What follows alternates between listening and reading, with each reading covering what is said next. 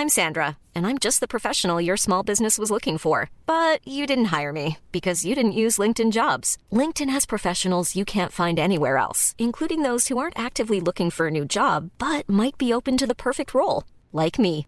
In a given month, over 70% of LinkedIn users don't visit other leading job sites. So if you're not looking on LinkedIn, you'll miss out on great candidates like Sandra. Start hiring professionals like a professional. Post your free job on linkedin.com/people today. Mom deserves the best, and there's no better place to shop for Mother's Day than Whole Foods Market. They're your destination for unbeatable savings, from premium gifts to show-stopping flowers and irresistible desserts. Start by saving 33% with Prime on all body care and candles. Then get a 15-stem bunch of tulips for just $9.99 each with Prime. Round out Mom's menu with festive rosé, irresistible berry chantilly cake, and more special treats. Come celebrate Mother's Day at Whole Foods Market. Hey, it's Ryan Reynolds, and I'm here with Keith, co star of my upcoming film, If, only in theaters, May 17th. Do you want to tell people the big news? All right, I'll do it. Sign up now and you'll get unlimited for $15 a month in six months of Paramount Plus Essential Plan on us. Mintmobile.com slash switch. Upfront payment of $45 equivalent to $15 per month. Unlimited over 40 gigabytes per month. Face lower speeds. Videos at 480p. Active Mint customers by 531.24 get six months of Paramount Plus Essential Plan. Auto renews after six months. Offer ends May 31st, 2024. Separate Paramount Plus registration required. Terms and conditions apply if rated PG.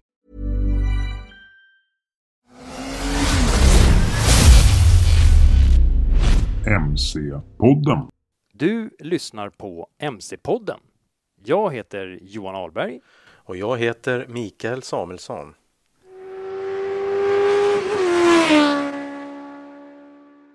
Hörru Micke, vad, vad du sitter där och ser lite nöjd ut. Ja, men jag känner mig lite uppspelt faktiskt. Mhm. Eller Är det uppspelt. något speciellt som har hänt eller?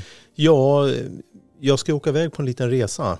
Ah, du tänker så. Mm. Jag ska det. åka och provköra KTM. Mm. Och vi pratar slutet av april, 26 till 28 april. Mm. Då ska jag provköra KTM 890 SMT. Ett riktigt litet påskägg alltså. Jajamän. Mm. Så att eh, det är det jag sitter och fnular lite på. Okej. Resan och eh, upplevelsen. Mm. För, eh, men vi återkommer till den hojen va? Ja, Mm. och hela grejen kanske. Det känns ju som ett ämne att prata lite mer om tycker jag. Ja, för nu är det ju så här också att eh, våren, den kommer ju och går. Ja, verkligen. Man brukar, det var någon som sa till mig här, eh, kan ha varit min fru faktiskt, att eh, man ska först ha fyra besvikelser innan våren kommer. Typ. Någonting Ja. sånt. Ja, jag vet inte vad det betyder riktigt. Det kanske har någonting med disken att göra eller något. Sen är det högst personligt. Det känns som jag har blivit besviken rätt många gånger eh, redan nu. Så att Ja. de, de fyra kanske är uppfyllda, vad vet jag. Ja. Man behöver bli lite sugen på att dra ut och köra på den här härliga barmarkskörningen i alla fall. Det är. Definitivt, Ja, definitivt. Du, eh, Johan, i det här programmet, eh, vem möter vi då? Vad har vi för profil?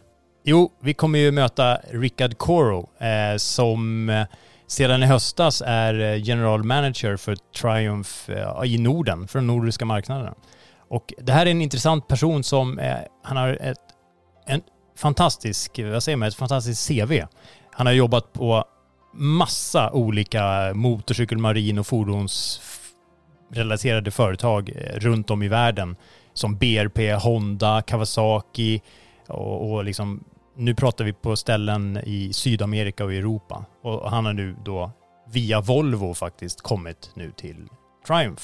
Där han har varit ungefär ett halvår. Så jag träffade honom och han berättade massa härliga stories om sin, sin tid som, eh, ja, på två hjul kan vi väl kalla det. Ja, men vad kul. Mm. Det ska bli riktigt intressant.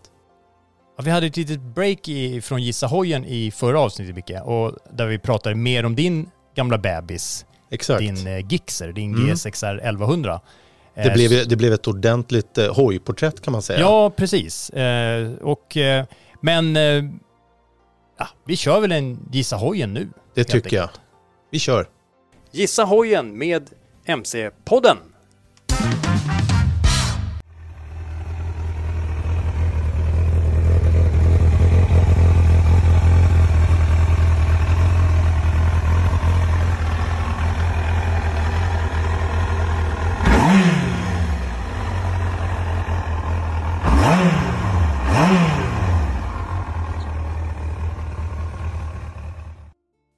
och där var klippet, första klippet i Gissa hojen. Vi lämnar väl så Johan och så återkommer vi med lite ledtrådar efter andra klippet. Mm. Och sen har, vi, sen har vi tredje klipp också och då avslöjar vi facit. Gissar på att det här var klurigt för många. Ja, Den som vet vet, men det är nog många som ja, kanske tror att det är någon, eh, eller som min far skulle säga, att det var en silverpil helt enkelt. Typ ja, något sånt. ja. Gissar inte han det på varje hoj? Jo, jag tror han gissar det på varje avsnitt faktiskt. Att- Okej, ja, vad bra. Ja, men Johan, jag är lite spänd på Rickard Koro här nu, så det är väl dags att vi släpper in honom. Mm. Välkommen Rickard.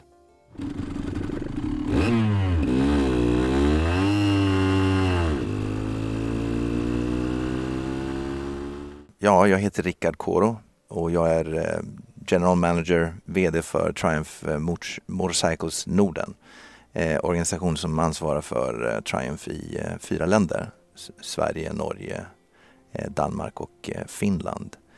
Ehm, jag kommer eh, ifrån Göteborg ursprungligen och efter flera år utomlands har återvänt till Sverige 2018 så det känns bra nu och den här rollen är fantastisk att återvända till Triumph för jag jobbade med Triumph tidigare Eh, i en roll eh, från Hinckley eh, mot exportmarknader i Latinamerika och Sydafrika.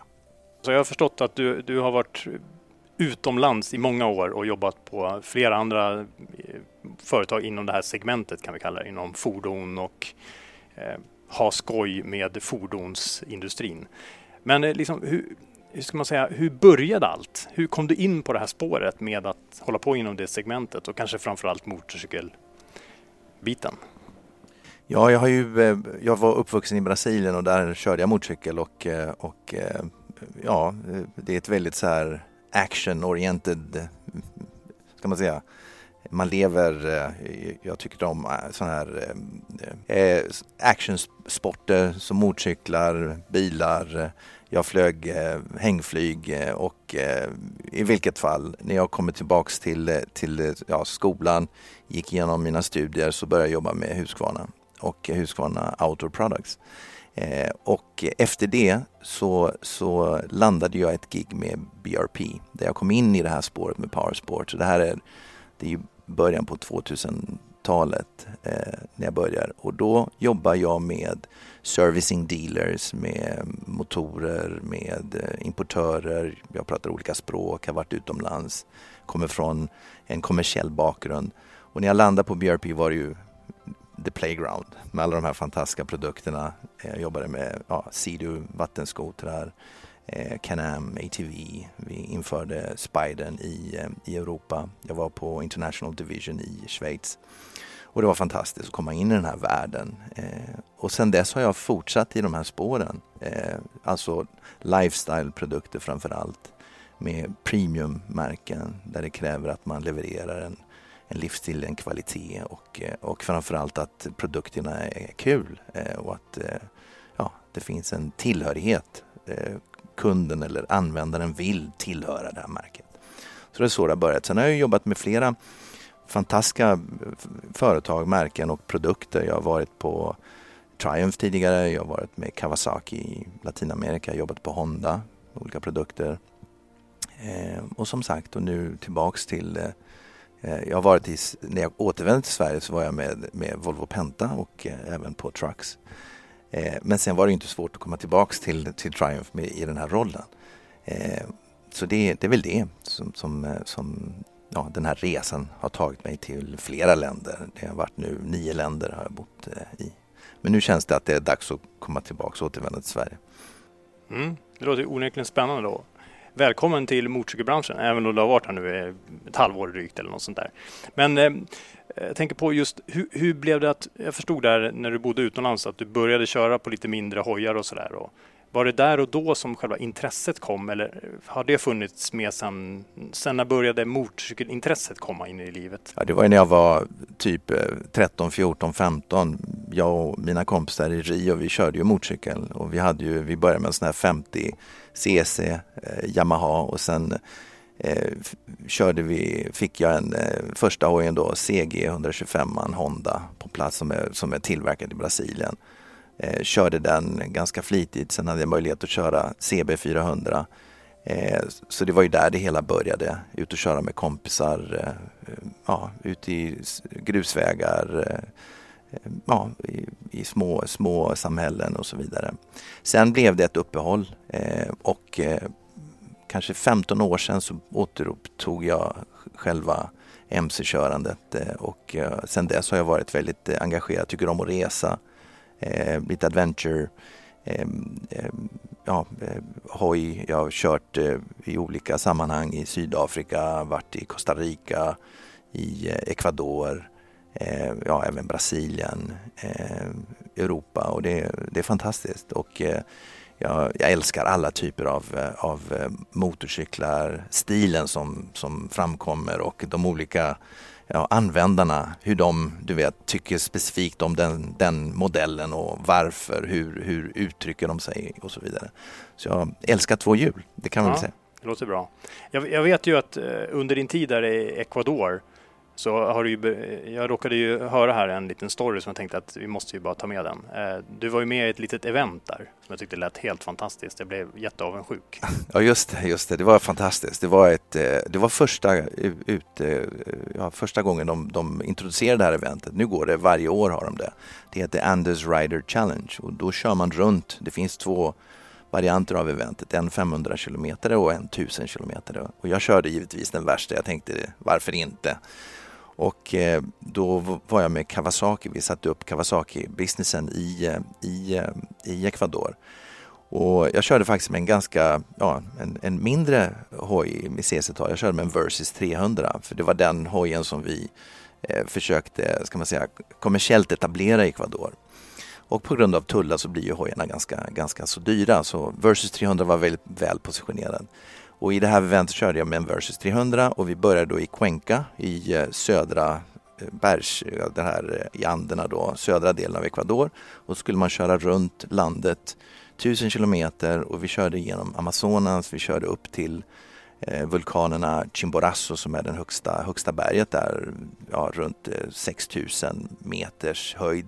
Vi kom inte så högt givetvis men vi körde upp till cirka 4000 och det var ganska högt.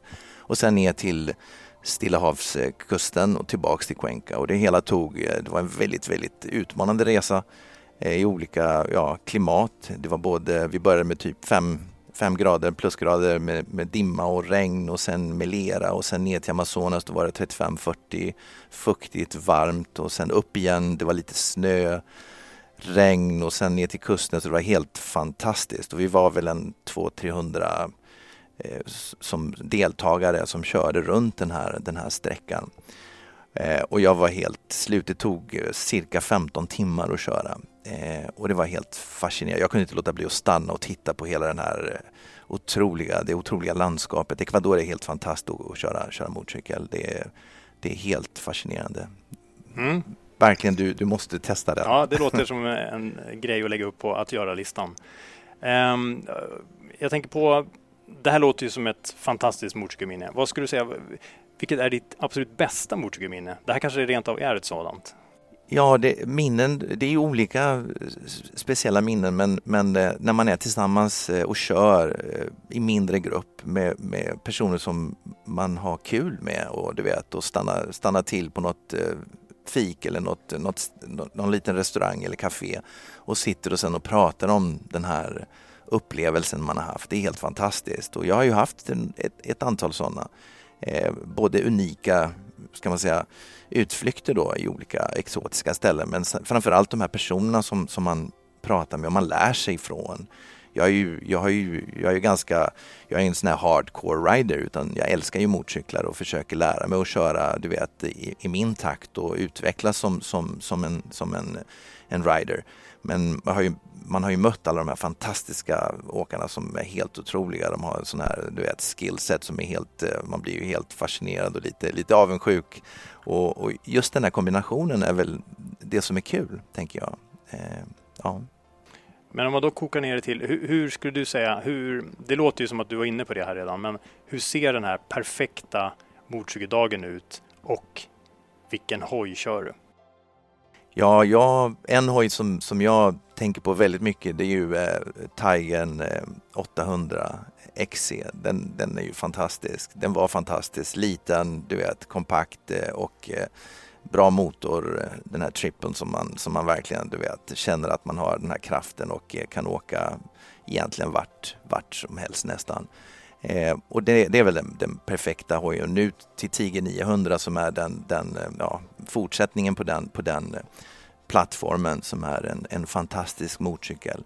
Själva dagen är väl att det ska vara lite grusväg, lite lerigt, man ska bli lite smutsig, du vet, och, och, och kanske man till och med du vet, sladdar och, och faller lite till, till marken där, tar upp hojen igen och ut och, och köra sen på, på lite asfaltsväg, lite kurvor Eh, och sen stanna till på ett eh, härligt ställe och ta en, ta en, eh, ja, en förfriskning, en kaffe och, och bara njuta av och berätta om de här historierna efterhand.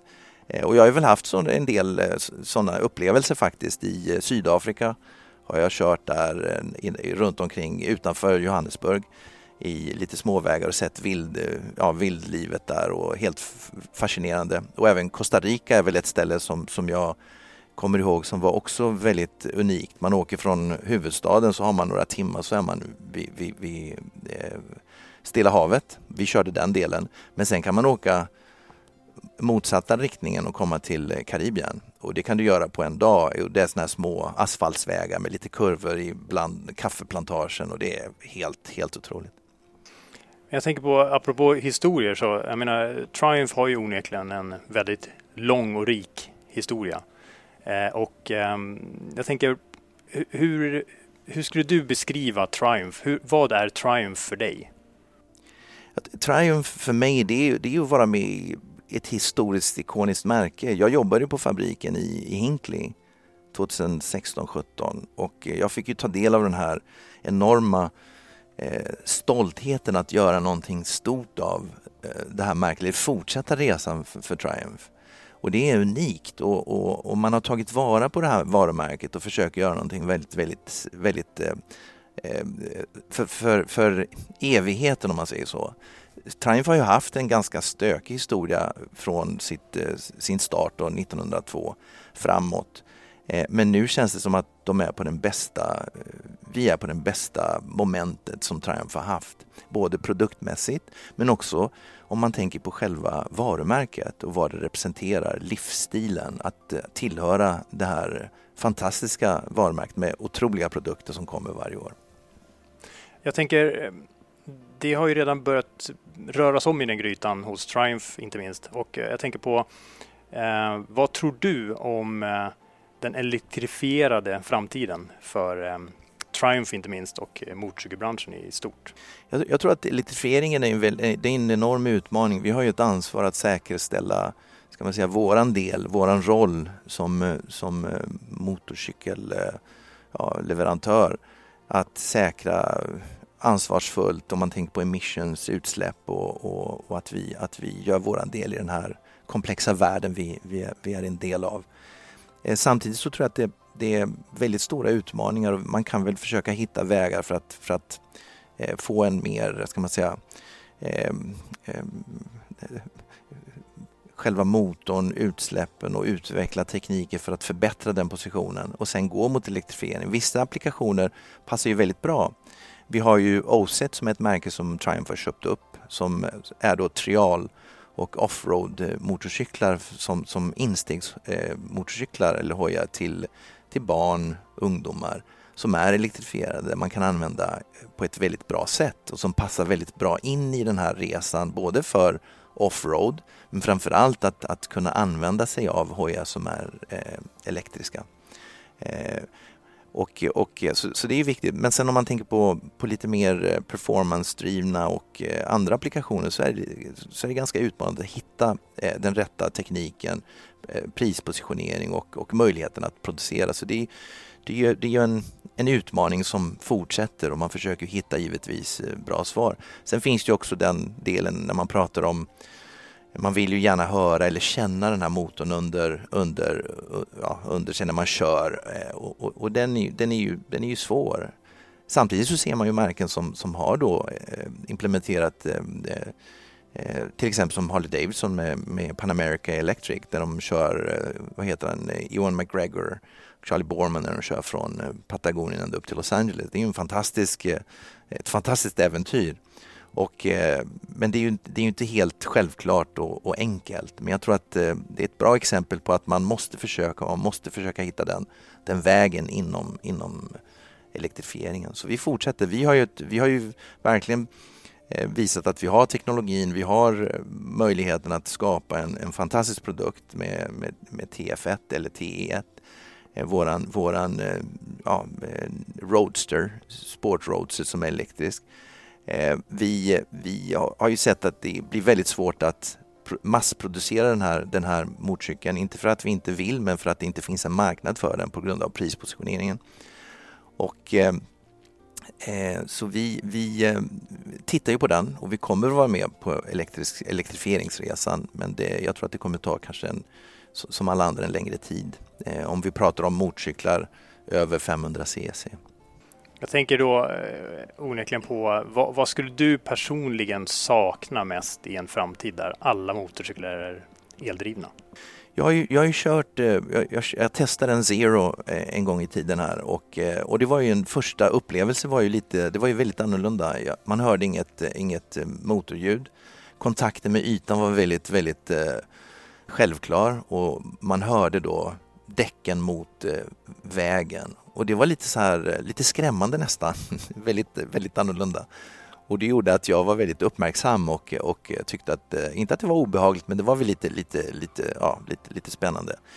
Eh, och jag, jag, tyckte då att, eh, oj, jag föredrar kanske att köra med motorn eftersom jag är van med det. Eh, jag tror att vi, vi, kommer att vänja oss. Nu ser vi också många av de här sparkcyklarna som är ute, så nya användare som kommer in, de, de vänjer sig att använda den typen av, av eh, elektrifierade fordon. Eh, som gör att det kommer bli enklare att kanske komma in i, i, i en värld med motorcyklar som är elektriska och framförallt skotrar och, och så vidare. Så jag, jag, tror att det är positivt. Jag tror att det är viktigt att vi börjar tänka annorlunda. Jag tror att det är viktigt att vi börjar tänka på den nya användaren och det är den st stora utmaningen som vi har inom eh, MC-branschen att vi måste förnya våran, våran eh, ska man säga, eh, våra eh, kunder som köper våra produkter. Vi måste förnya den poolen så att vi kan fortsätta att sälja motorcyklar eh, till den typen av användare och, och, jag tror att kraven från den användaren kommer bli lite annorlunda än den vi ser idag. Eh, så jag tror att det kommer bli en, en intressant resa. Mm.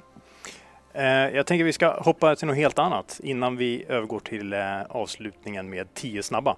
Och det är helt enkelt, ehm, finns det något, det finns det säkert kan jag tänka mig, men eh, som de flesta inte vet om dig? Någon hemlig talang? Ja, talang. Jag vet inte, jag tycker om att spela gitarr och sjunga. Det är väl det jag, jag har gjort sedan jag var yngre då. Det är inte så att jag är så jättebra på det, men jag tycker det är kul. Och, och eh, alltid när jag har, du vet, när jag känner att eh, jag vill göra någonting eh, ja, för att känna mig till, till, till ja, att, att känna mig bra så, så, så så tar jag fram gitarren och, eh, och sjunger lite. Det är mm. väl det jag, jag tycker är, är, är, kul. Sen har jag flugit eh, eh, hängflyg många år, nästan, ja, nästan 30 år har jag flugit hängflyg. Jag har varit med i tävlingar och flugit över hela, hela världen faktiskt och eh, det har varit en, en fantastisk resa där jag har eh, ja, utvecklats som person och, och, och det är en fantastisk sport. Nu gör jag inte det längre. Men det är väl de två grejerna, tänker mm. jag. Okej. Okay. Men då, då så, då tänker jag att vi ska gå över till tio snabba där du kommer få två alternativ. Eh, så häng med. Eh, tvåtakt eller fyrtakt? Fyrtakt. Bensin eller el? Bensin. On eller offroad? Offroad. Kick eller elstart? Elstart. Stark eller smidig? Smidig. Enkelkuts eller bönpall? Enkelkuts. Skinn eller textil? Skinn. Muller eller dämpat? Muller. Wheelie eller stoppie? Wheelie. Lägga en lakrits eller äta en lakrits? Äta en lakrits. Och då tänkte jag avsluta med en grej som jag kallar för sanning eller myt. Ehm, och eh, den lyder eh, Motorcyklister är lyckligare än människor som inte kör motorcykel. Jag håller totalt med. Tack. Trevligt. Tack ska du ha. Jättetrevligt.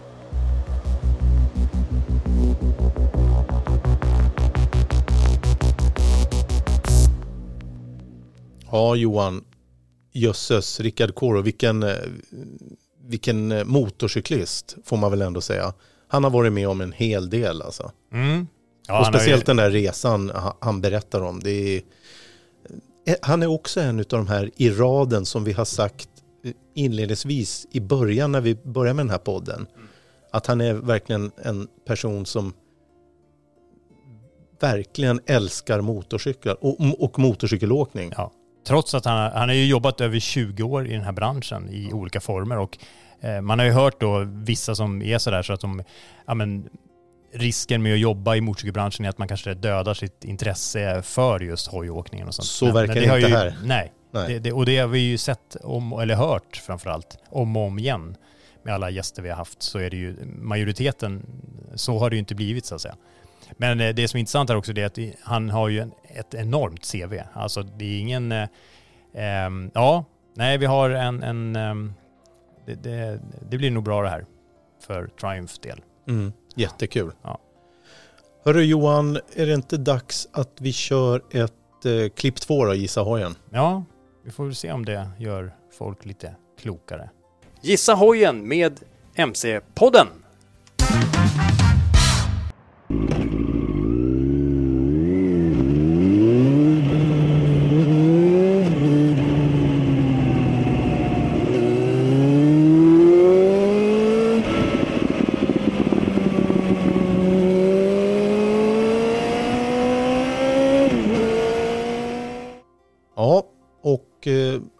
Det var andra klippet av Gissa hojen. Nu Johan, varsågod. Nu får du ge lite ledtrådar. Mm. Jag tyckte, vi var väl inne på det, vi höll på att säga någonting förut där fast vi, det kom inte med här. Det var ju någonting med Sa jag det? Jag sa... eh, riskokare. Är det här en typisk riskokare? Ja. Riskokare är ju en fantastisk uppfinning för övrigt. Men eh, det här är ju också en fantastisk uppfinning på två hjul. Som eh, jag vågar säga slog MC-världen med häpnad när den lanserades. Ja, men Johan, eh, ungefär vilket år kom den in i bilden den här hojen? Riskokaren. Riskokaren. Eh, alltså den visades ju upp då 1997 på motorcykelmässan i Milano eh, och lanserades då sen 1998. Och jag kan ju återkomma till det här i, i, i facit, eh, så att säga, lite mer om vad som hände där och då. För det var en, en, ett enormt spektakel kring den här lanseringen av den här modellen. Så att, eh, Jaha, nu var- blir jag, nu blir jag ja, jättenyfiken. ja, men det var, alla var där. Alla. Ja. Alla var där. Då återkommer vi till efter klipp tre då. Ja. Mm. Men innan det så tänker jag så här, ja, vi har ju redan varit inne på det lite och det är ju lite så här, eh, ja, vi själva, du och jag, vi, vi befinner oss ju ganska sådär på östkusten i mellersta Sverige.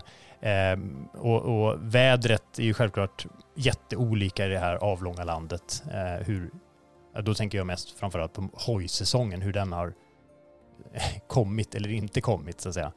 Ehm, och eh, jag menar det beror ju på om man bor i västra eller östra eller norra eller södra Sverige och hitten och ditten och sådär. Det verkar ju inte finnas någon ordning och reda på någonting längre med den biten.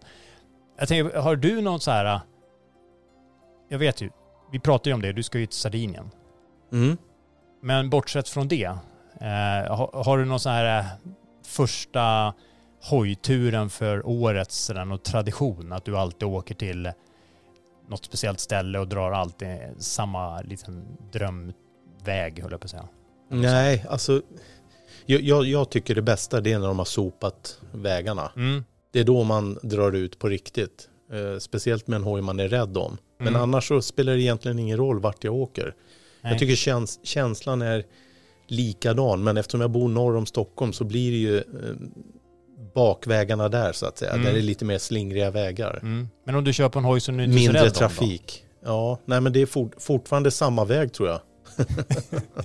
Eh, det är bara det att sen kan det ju bli en tur till, eh, till jobbet såklart. då? Mm. Men eh, allra bäst är ju att ta ut den när man är ledig. Ja. Och sen dra och så har man ingen tid att passa helt enkelt. Nej. Och då kan det väl bli så att man stannar någonstans och, och, och bara njuter av förhoppningsvis solen Mm. och ett skönt väder. Nej, och vi, jag, jag i alla fall ser ju verkligen fram emot att dra de här äh, till alla sådana här favorithak som man har haft genom åren som eh, allt ifrån ekorren ute på Djurgården till eh, våfflan i Sigtuna eller traditionella röda stugan hette det va? I Drottningholm. Det har inte varit så mycket drag där. Nej, inte röda stugan, du menar brostugan. Den är inte röd Johan.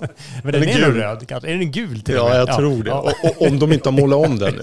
Ja. För det var länge sedan jag var där. Ja. Men sen har vi ju Vaxholm till exempel, för oss som Ja. nu bor i den här delen av Ja, världen. men där, där sa du en grej Ja. Johan. Vaxholm skulle jag nog åka till. Ja. För det, det är ett litet favoritställe. Jag tycker det är väldigt vackert Ja. där ute. Och Och de har bra man- mjukglass. De har mjukglass. Nej, de har, ja det har de också. Men sen har de den där goda...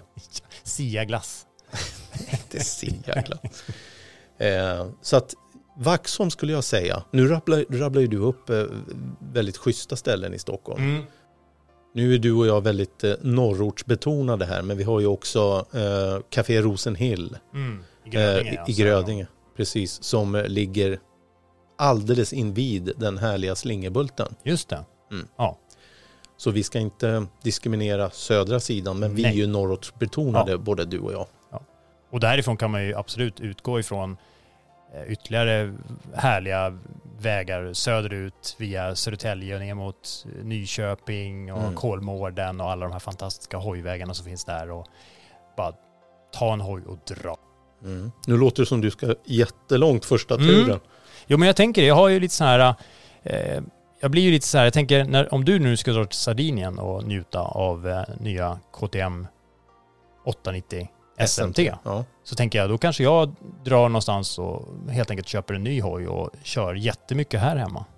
Ja, för, för jag tänkte på det Johan. Jag nämnde ju att jag ska eventuellt byta hoj. Jag säljer Mm, och så ska jag mm. ha något annat. Mm. Men var, var står du själv någonstans? Jo men jag är lite så, planer? jag är lite så att eh, jag är lite sugen nu. Jag har haft min hoj nu i två säsonger tror jag, eller något sånt där.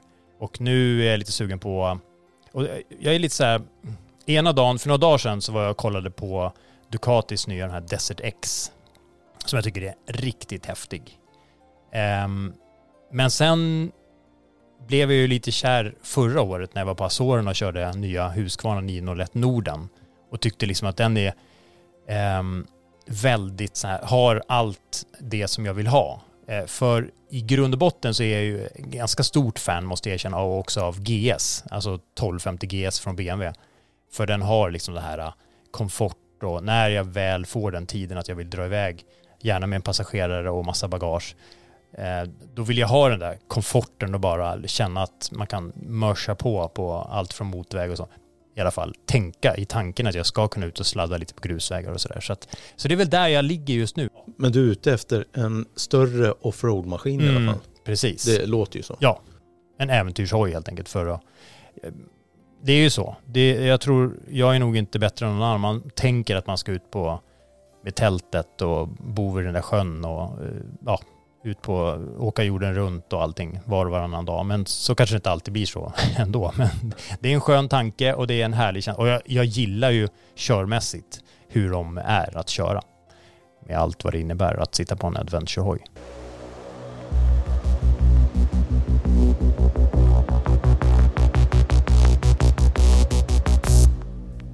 N- Nu blir man lite bortskämd då. Du har varit och kört hoj i Sydafrika och jag ska till Sardinien.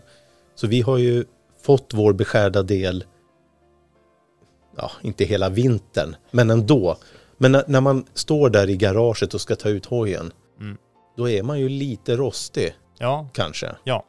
Det har gått en hel vinter, du har slappat till det lite och Mm. sådär. Så att, Jo, men vi pratade ju om det lite i förra avsnittet om just hojen. Hur viktigt det är att man kanske av flera skäl, både säkerhet men också för eh, körglädjens skull, att den inte står, man inte står där med och ska trycka igång den eller kicka igång den eller vad man nu gör eh, och så startar den inte när den där fantastiska dagen. Men då när den dagen kommer så är det ju självklart viktigt att man tänker sig för så att man får upp, liksom uppleva den här härliga hojsäsongen eh, ute på vägarna. Eh, och så att man är mentalt förberedd Ja. och eh, att- i, fit for fight. Att säga. Ja, och där finns det ju liksom, jag menar det, det är ju flera, alltså det, till att börja med så tänker jag så här, motorcyklarna idag, de senaste åren, alltså vi pratar 10 åren, 20 åren, så har det ju varit en revolution. Alltså det har ju varit en enorm utveckling när det gäller eh, både hur, att de blir lättare och lättare och starkare och starkare. På gott och ont såklart. Eh, men de blir ju liksom mer och mer lättkörda. Eh, och tekniska system ja. Johan med ABS och sånt där Precis. har ju gjort att allting, antispinn Ja, helheten blir ju ändå att trots att de är lättare och liksom häftigare prestandamässigt så är de ju samtidigt eh, säkrare. Eh, självklart beroende på vem det är som kör.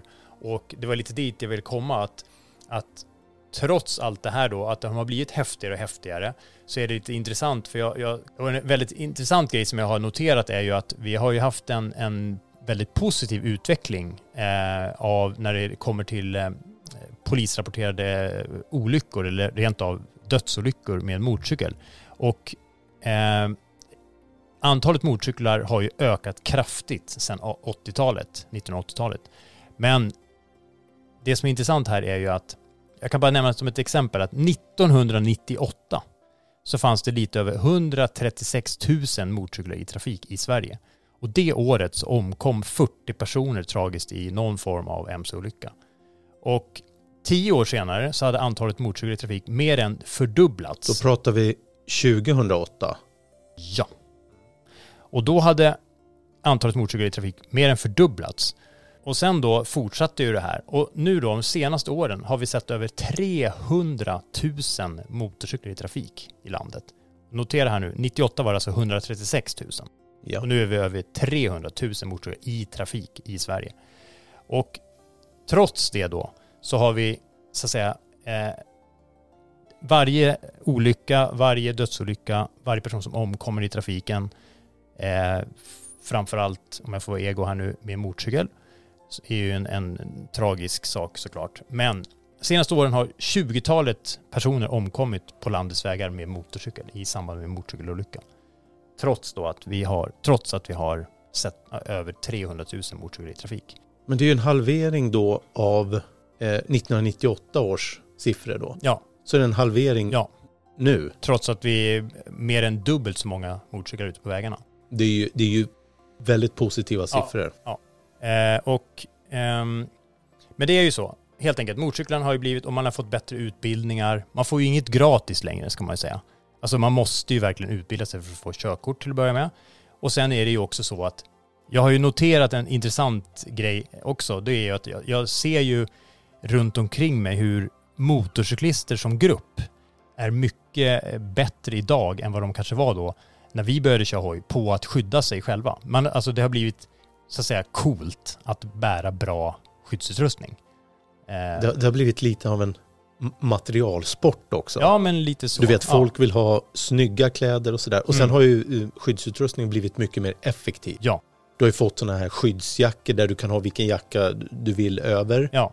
Du har ju um, byxor med höftskydd och, och ja. knäskydd och Ja, man har ryggskydd som faktiskt funkar, som ja. skyddar. Och vi har knä och armbågs och, och ja, knogskydd och allt vad det är. Ibland åker man ju runt med dubbla ryggskydd för det sitter ett i jackan och du har ja, ett på dig till exempel. Så, så jag tror att gemene man, den stora massan i alla fall har blivit bättre på att liksom det, det, man har bär bra skyddskläder. Och det här då i kombination med att folk samtidigt då, hojåkare, runt om i landet har börjat engagera sig och, och ser som en nästan självklarhet att man är med eh, i olika sådana här avrostningsevenemang eh, eller bankörningar och sådana saker som arrangeras av olika eh, seriösa hojklubbar som till exempel Ducati och BMW-klubben är ju jättestora på det här och inte minst då Sveriges motorcyklister, SMC, som då har massa sådana här fortbildningsdagar och bankurser och avrostning. Så att det är verkligen någonting jag kan rekommendera. Och för att inte krångla till det så skulle jag säga så här att åk till närmaste industriområde. Ta det lugnt dit, se till att det är sopat och snyggt och sen så bara provar du lite grejer. Så här, känn lite på cykeln och bromsa lite grann. Se bara till att det inte är någon bakom då såklart. Men provbromsa lite försiktigt och bygg upp och känn bara på de här självklara sakerna som kanske inte är så självklara när du tar den där första turen. Så det, det, är väl ett eh, litet sånt där tips på vägen som jag tycker i alla fall är viktigt. För jag tycker också samtidigt, personligen tycker jag det är jättekul att utvecklas som hojåkare och lära mig och bli en bättre hojåkare. För hela, hela helheten blir bättre då. Mm. Och eh, några som är duktigare på det här det är ju Sveriges MC-poliser. Ja. De har ju eh, interna avrostningskurser Mm. som de har innan de beger sig ut på vägarna. Ja. Så det skulle vara lite kul att höra vad en eh, MC-polis har att säga om det här. Ja, vi, vi ringer väl upp en MC-polis och hör vad han har att säga. Och med oss på telefon har vi MC-polisen Leo från Stockholm. Som, eh, ja Leo, vad har du för smarta, bra tips på vägen för en trevligare och säkrare MC-säsong? Och det börjar ju egentligen i garaget att se över stycken i vanlig ordning. Har den bromsar? Har framgatten läckt olja? Då kanske bromsbeläggen är mycket kvar på, men det händer inte så mycket när man tar i handtaget. Däcken, lufttryck, allt det där. Det, utan dem så kommer vi inte så långt. Vi kommer inte iväg så bra heller. Och sen upp och sitta och hitta tillbaka till känslan förstås. Vi kör ju inte så mycket med, med armarna kan man ju säga. Utan hitta tillbaka till musklerna där du håller fast i cykeln. Avslappnad körställning upp med blicken. Ehm, är man ute och kör och ser hastighetsmätaren utan att vika ner huvudet, då menar jag på att då har man blicken för långt ner. Vi ska upp och hitta lösningar och, och vägar, inte gruskorn och annat. Ehm, och på det temat gruskorn. man hör ju ofta att eh, rullgrus är livsfarligt och det är bara en fara man får räkna med som motorcyklist. Det går inte att göra någonting åt. Ehm, och det där motsätter jag mig ganska kraftigt. Det är klart, det blir dålig friktion med rullgrus på asfalt, men vi kan ju påverka vår hastighet. Vi kan påverka hur vi använder blicken. Vi kan titta ner en snabbis för att se vad det är för underlag, sänka farten om vi inte vet, eller om det ser lite rulligt ut. Och sen skicka upp blicken igen för att hitta stabilitet och där vi vill köra. Ehm, så att vi är liksom inte eh, så pass påverkade av rullgruset att det kommer kasta oss av vägen så fort det dyker upp. Utan där kan vi hantera hur vi styr cykeln. Framförallt med högerhanden då kanske. Eh. Men eh, ut och kör, titta lite sköna inbromsningar. Eh, ordentliga inbromsningar. Börja mjukt och försiktigt, pröva upp den här känslan i handen. Och sen gå på hårdare och hårdare till ja, nödinbromsningar om det springer ut någonting framför. Tills det sitter. Och då får man ju med sig den här avslappnade överkroppen och eh, sitter fast bra förankrat med, med underkroppen, knän, underben och så vidare. Och en, en stor del är ju också förstås andra trafikanter. Vi hjälper ju dem att avrosta sig själva kan man ju säga. De är ju inte vana vid att ha motorcyklar ute på vägarna. De har kört en hel vinter. Eh, det de behöver titta efter det är ju bilar och stora fordon. Plötsligt så dyker upp mopeder och motorcyklar och annat. Eh, så att man har med sig det när man är ute och rullar. Att de är ovana vid att vi är ute och kör. Tänk åt andra. Har den här bilen verkligen sett mig? Ser den där lastbilen mig när jag ska göra den här omkörningen och så vidare? Så i grunden handlar det väl om att värma upp i egen takt och, och ta det varligt. Var medveten om att du är rostig, andra är rostiga. Hojen kanske är rostig till och med, det får man ju åtgärda. Och, eh, då är kanske gruppkörningar kan inte det bästa att göra sin första tur ut när hornen börjar växa och någon avrostar snabbare än någon annan och tar kurvan lite snabbare än vad du gör. Utan i lugn och ro. Jobba tillbaka till din kompetens och känslan i cykeln. Mm. Det är några klassiska grejer som vi brukar gå igenom och prata om i alla fall. Ja, men det låter bra. Jag brukar säga bra fantasi är bra att ha med sig också när man är ute och kör. Så att det, det, jag tyckte det, det var, du sammanfattade det bra tycker jag. Fantasi är det bästa vi har när vi är ute och åker. För då kan man ju på ett sätt spå in i framtiden. Och, och händer inte det jag har fantiserat om, då har jag varit beredd i onödan. Men det kan man ju aldrig vara. Eh, men om det väl händer, då känns det som att jag har siat in i framtiden och lyckades bromsa för den där men bilen som svänger ut där den inte borde och så vidare. Så, nej, men det, det har du helt rätt i. Fantasi är det bästa. Okej, men eh, då stundar lite avrostning för eh, landets motorcykelpoliser nu så här års misstänker jag också. Jajamän, den är i full gång redan nu. Så då tackar jag så mycket för att du tog dig tid och eh, önskar dig lycka till med säsongen på två hjul. Tack så mycket, detsamma till dig.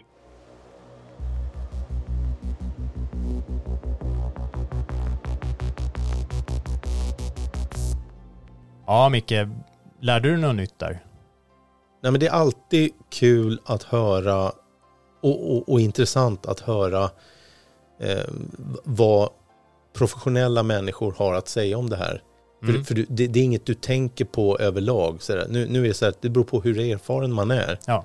Och vad du gör och sådär och hur du är som person. Ja. Jag skulle ju aldrig få för mig att bara ta ut hojen och sen järnet bara som att inget har hänt. Nej. Jag vill komma hem, jag vill ha en trygg resa. Så enkelt är det. Mm.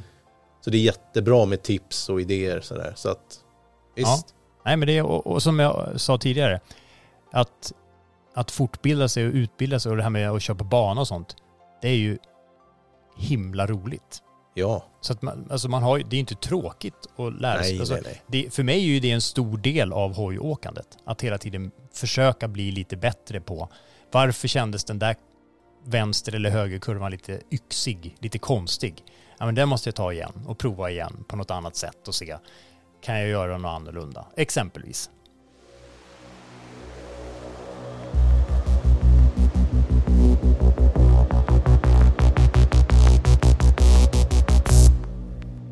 Ja, Johan. Nu tycker jag vi kör det avslutande klippet, klipp tre i Gissa hojen. Ja, men det låter som en bra idé. Gissa hojen med MC-podden.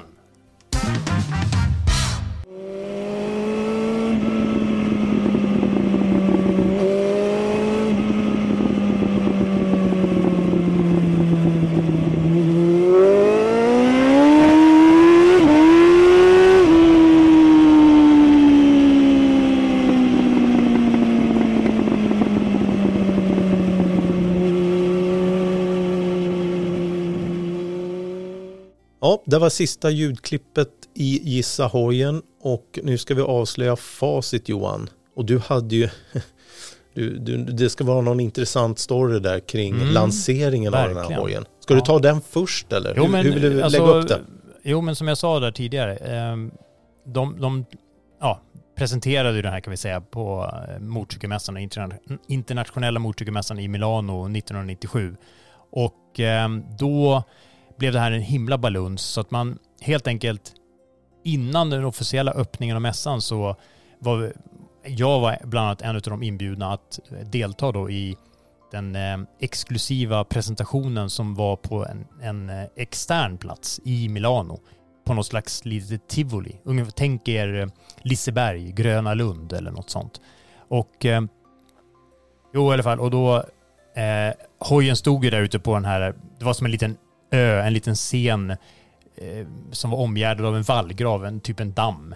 Eh, och där stod hojen eh, ja, under någon slags skynke då. då.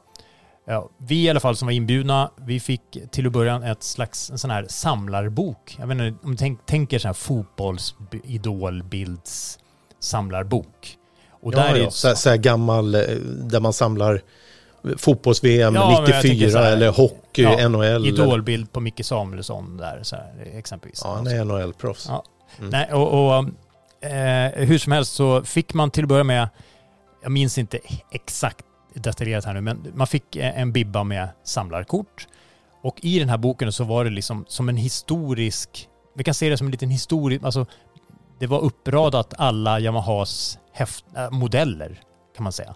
Stor del av Yamahas historiska och nuvarande motorcykelmodeller fanns det liksom ett namn på. Och där skulle du då sätta den här. Så till slut var ju tanken då att den här samlarboken skulle ju bli fylld.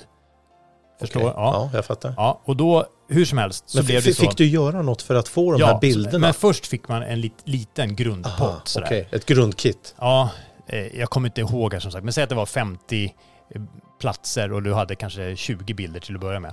Men då i alla fall fick man gå runt på tivolit och så fick man göra massa saker, typ här eh, tombola, du vet snurrande hjul, satsa på nummer, slå i spikar med någon hammare, eh, Kasta skjuta någonting, luftgevär, kasta någonting, Jaha. alla de här grejerna. Ja, som man gör på ett tivoli sådär. Man fick ju kanske inga när man åkte berg och dalbanan, men, men det var ändå så här, såna här eh, prestationsgrejer då, då, som var bara på skoj egentligen. Men det resulterade i alla fall i att du fick flera, du kanske fick, vad vet jag, tre bilder eller fem bilder. Eh, och hur som helst, det var ju bara slumpartat allting. Så till slut så hade ju du kanske en bibba då med samlarbilder på olika motorcykel Yamaha-modeller då, då. Men du kanske hade massa dubbletter. Eller i värsta fall tre av samma, eller fyra av samma, vad vet jag. Så då fick du gå runt där med motor, alla inbjudna gäster och, och liksom byta och försöka hjälpas åt med andra då. då. Så du, ja, man kunde fråga, har du en dubbel av den där eller någonting? Så fick man helt plötsligt, ja. Så tanken var att man skulle som fylla boken. Pokémon-kort på skolgården. ja. Men vad kul Så ändå. Ja. Det slutade i alla fall med att, och du vet alla var ju på plats. Det var ju journalister från hela världen och andra kändisar. Det var ju Valentino Rossi som då tävlade i MotoGP. Eh, var ju den här lysande stjärnan. Eh, han var ju där bland annat eh, och, och massa andra kändisar.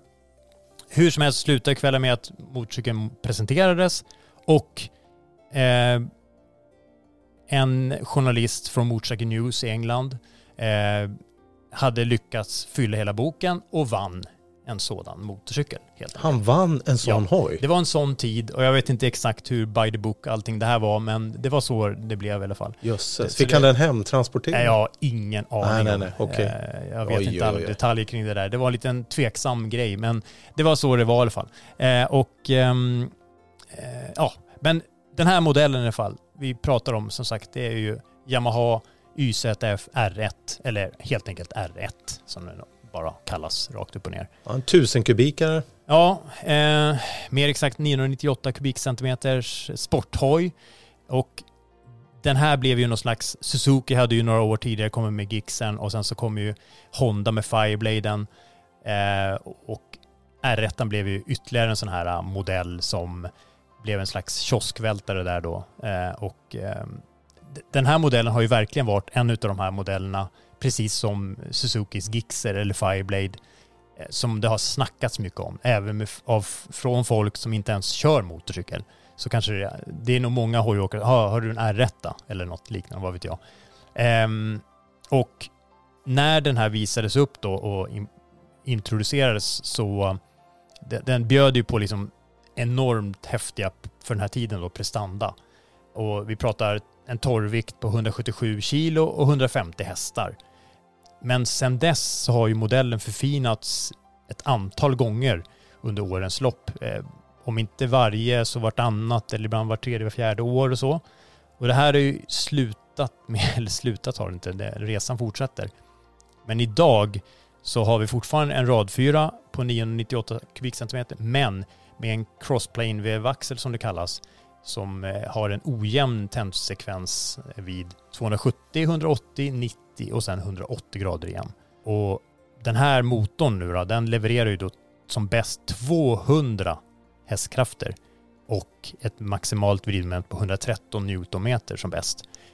Och det här då med 17 liters bensintanken fylld till bredden så uppges vikten ligga på 200 kilogram. Galet. Två- 201 kilo. Ja. Ja. Så vi pratar ju fulltankad ett förhållande som är 1-1 i princip. Mellan effekt och vikt. Och det här inbakat i ett chassi eh, med bromsar, med, ja du vet, allt. Vi, vi pratar jättehäftig avancerad teknik som det är på de här sporthojarna oavsett märke idag. Med alla möjliga körprogram och det är hjälp hit och dit. Det är sådana här lounge control som ser till att du enkelt bara, jag ska inte, jag ska inte säga att man bara vrider på gasrullen och, och den sköter resten, men det är ju nästintill så. Det är som att du får hjälp när du bromsar, inte bara med ABS, utan det är ett moduleringssystem som ser till att du bromsar så effektivt som möjligt. Ja, men det är alla möjliga så här finesser finns där. Så att, ja, riktigt häftigt. En, eh, en, eh, precis som din Gixxer egentligen, en riktig ikon som fortfarande finns med. Häftigt. Äh, kul. Ja. Dagens Gissa hojen alltså. En R1. Ja.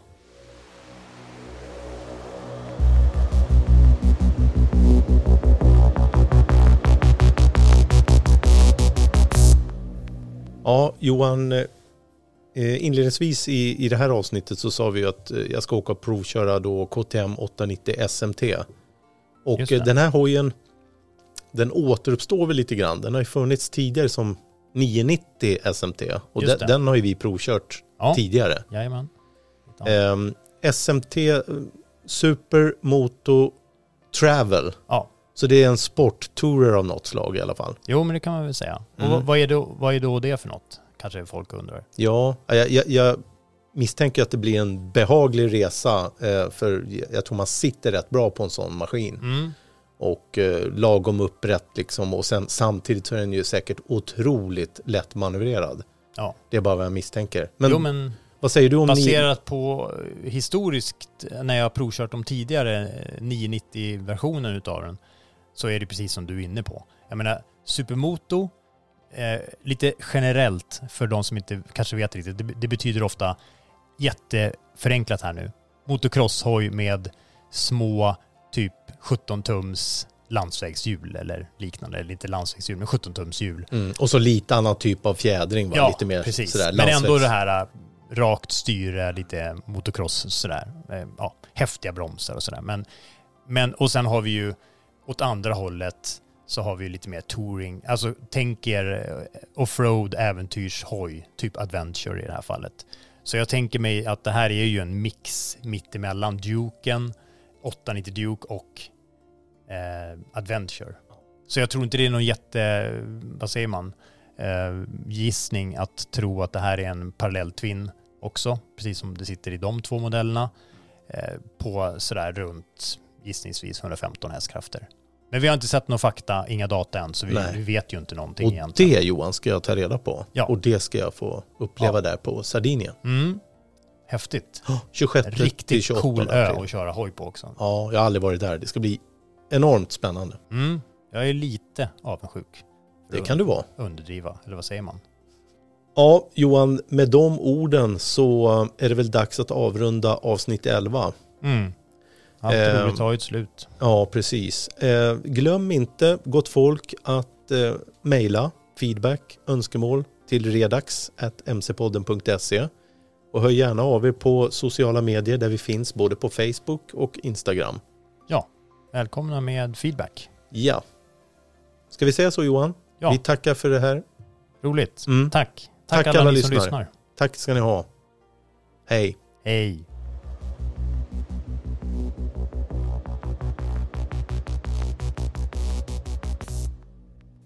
Du har lyssnat på MC-podden. Jag heter Johan Ahlberg. Och jag heter Mikael Samuelsson.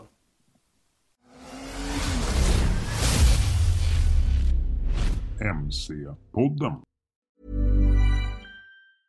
Mom deserves the best, and there's no better place to shop for Mother's Day than Whole Foods Market. They're your destination for unbeatable savings, from premium gifts to show-stopping flowers and irresistible desserts. Start by saving 33% with Prime on all body care and candles. Then get a 15-stem bunch of tulips for just $9.99 each with Prime. Round out Mom's menu with festive rosé, irresistible berry chantilly cake, and more special treats. Come celebrate Mother's Day at Whole Foods Market.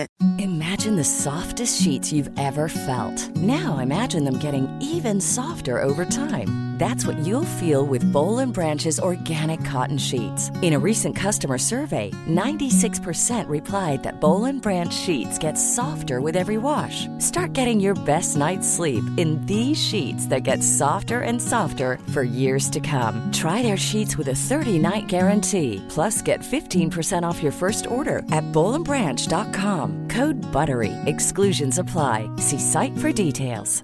Even when we're on a budget, we still deserve nice things. Quince is a place to scoop up stunning high-end goods for 50 to 80% less than similar brands. They have buttery soft cashmere sweaters starting at $50, luxurious Italian leather bags, and so much more.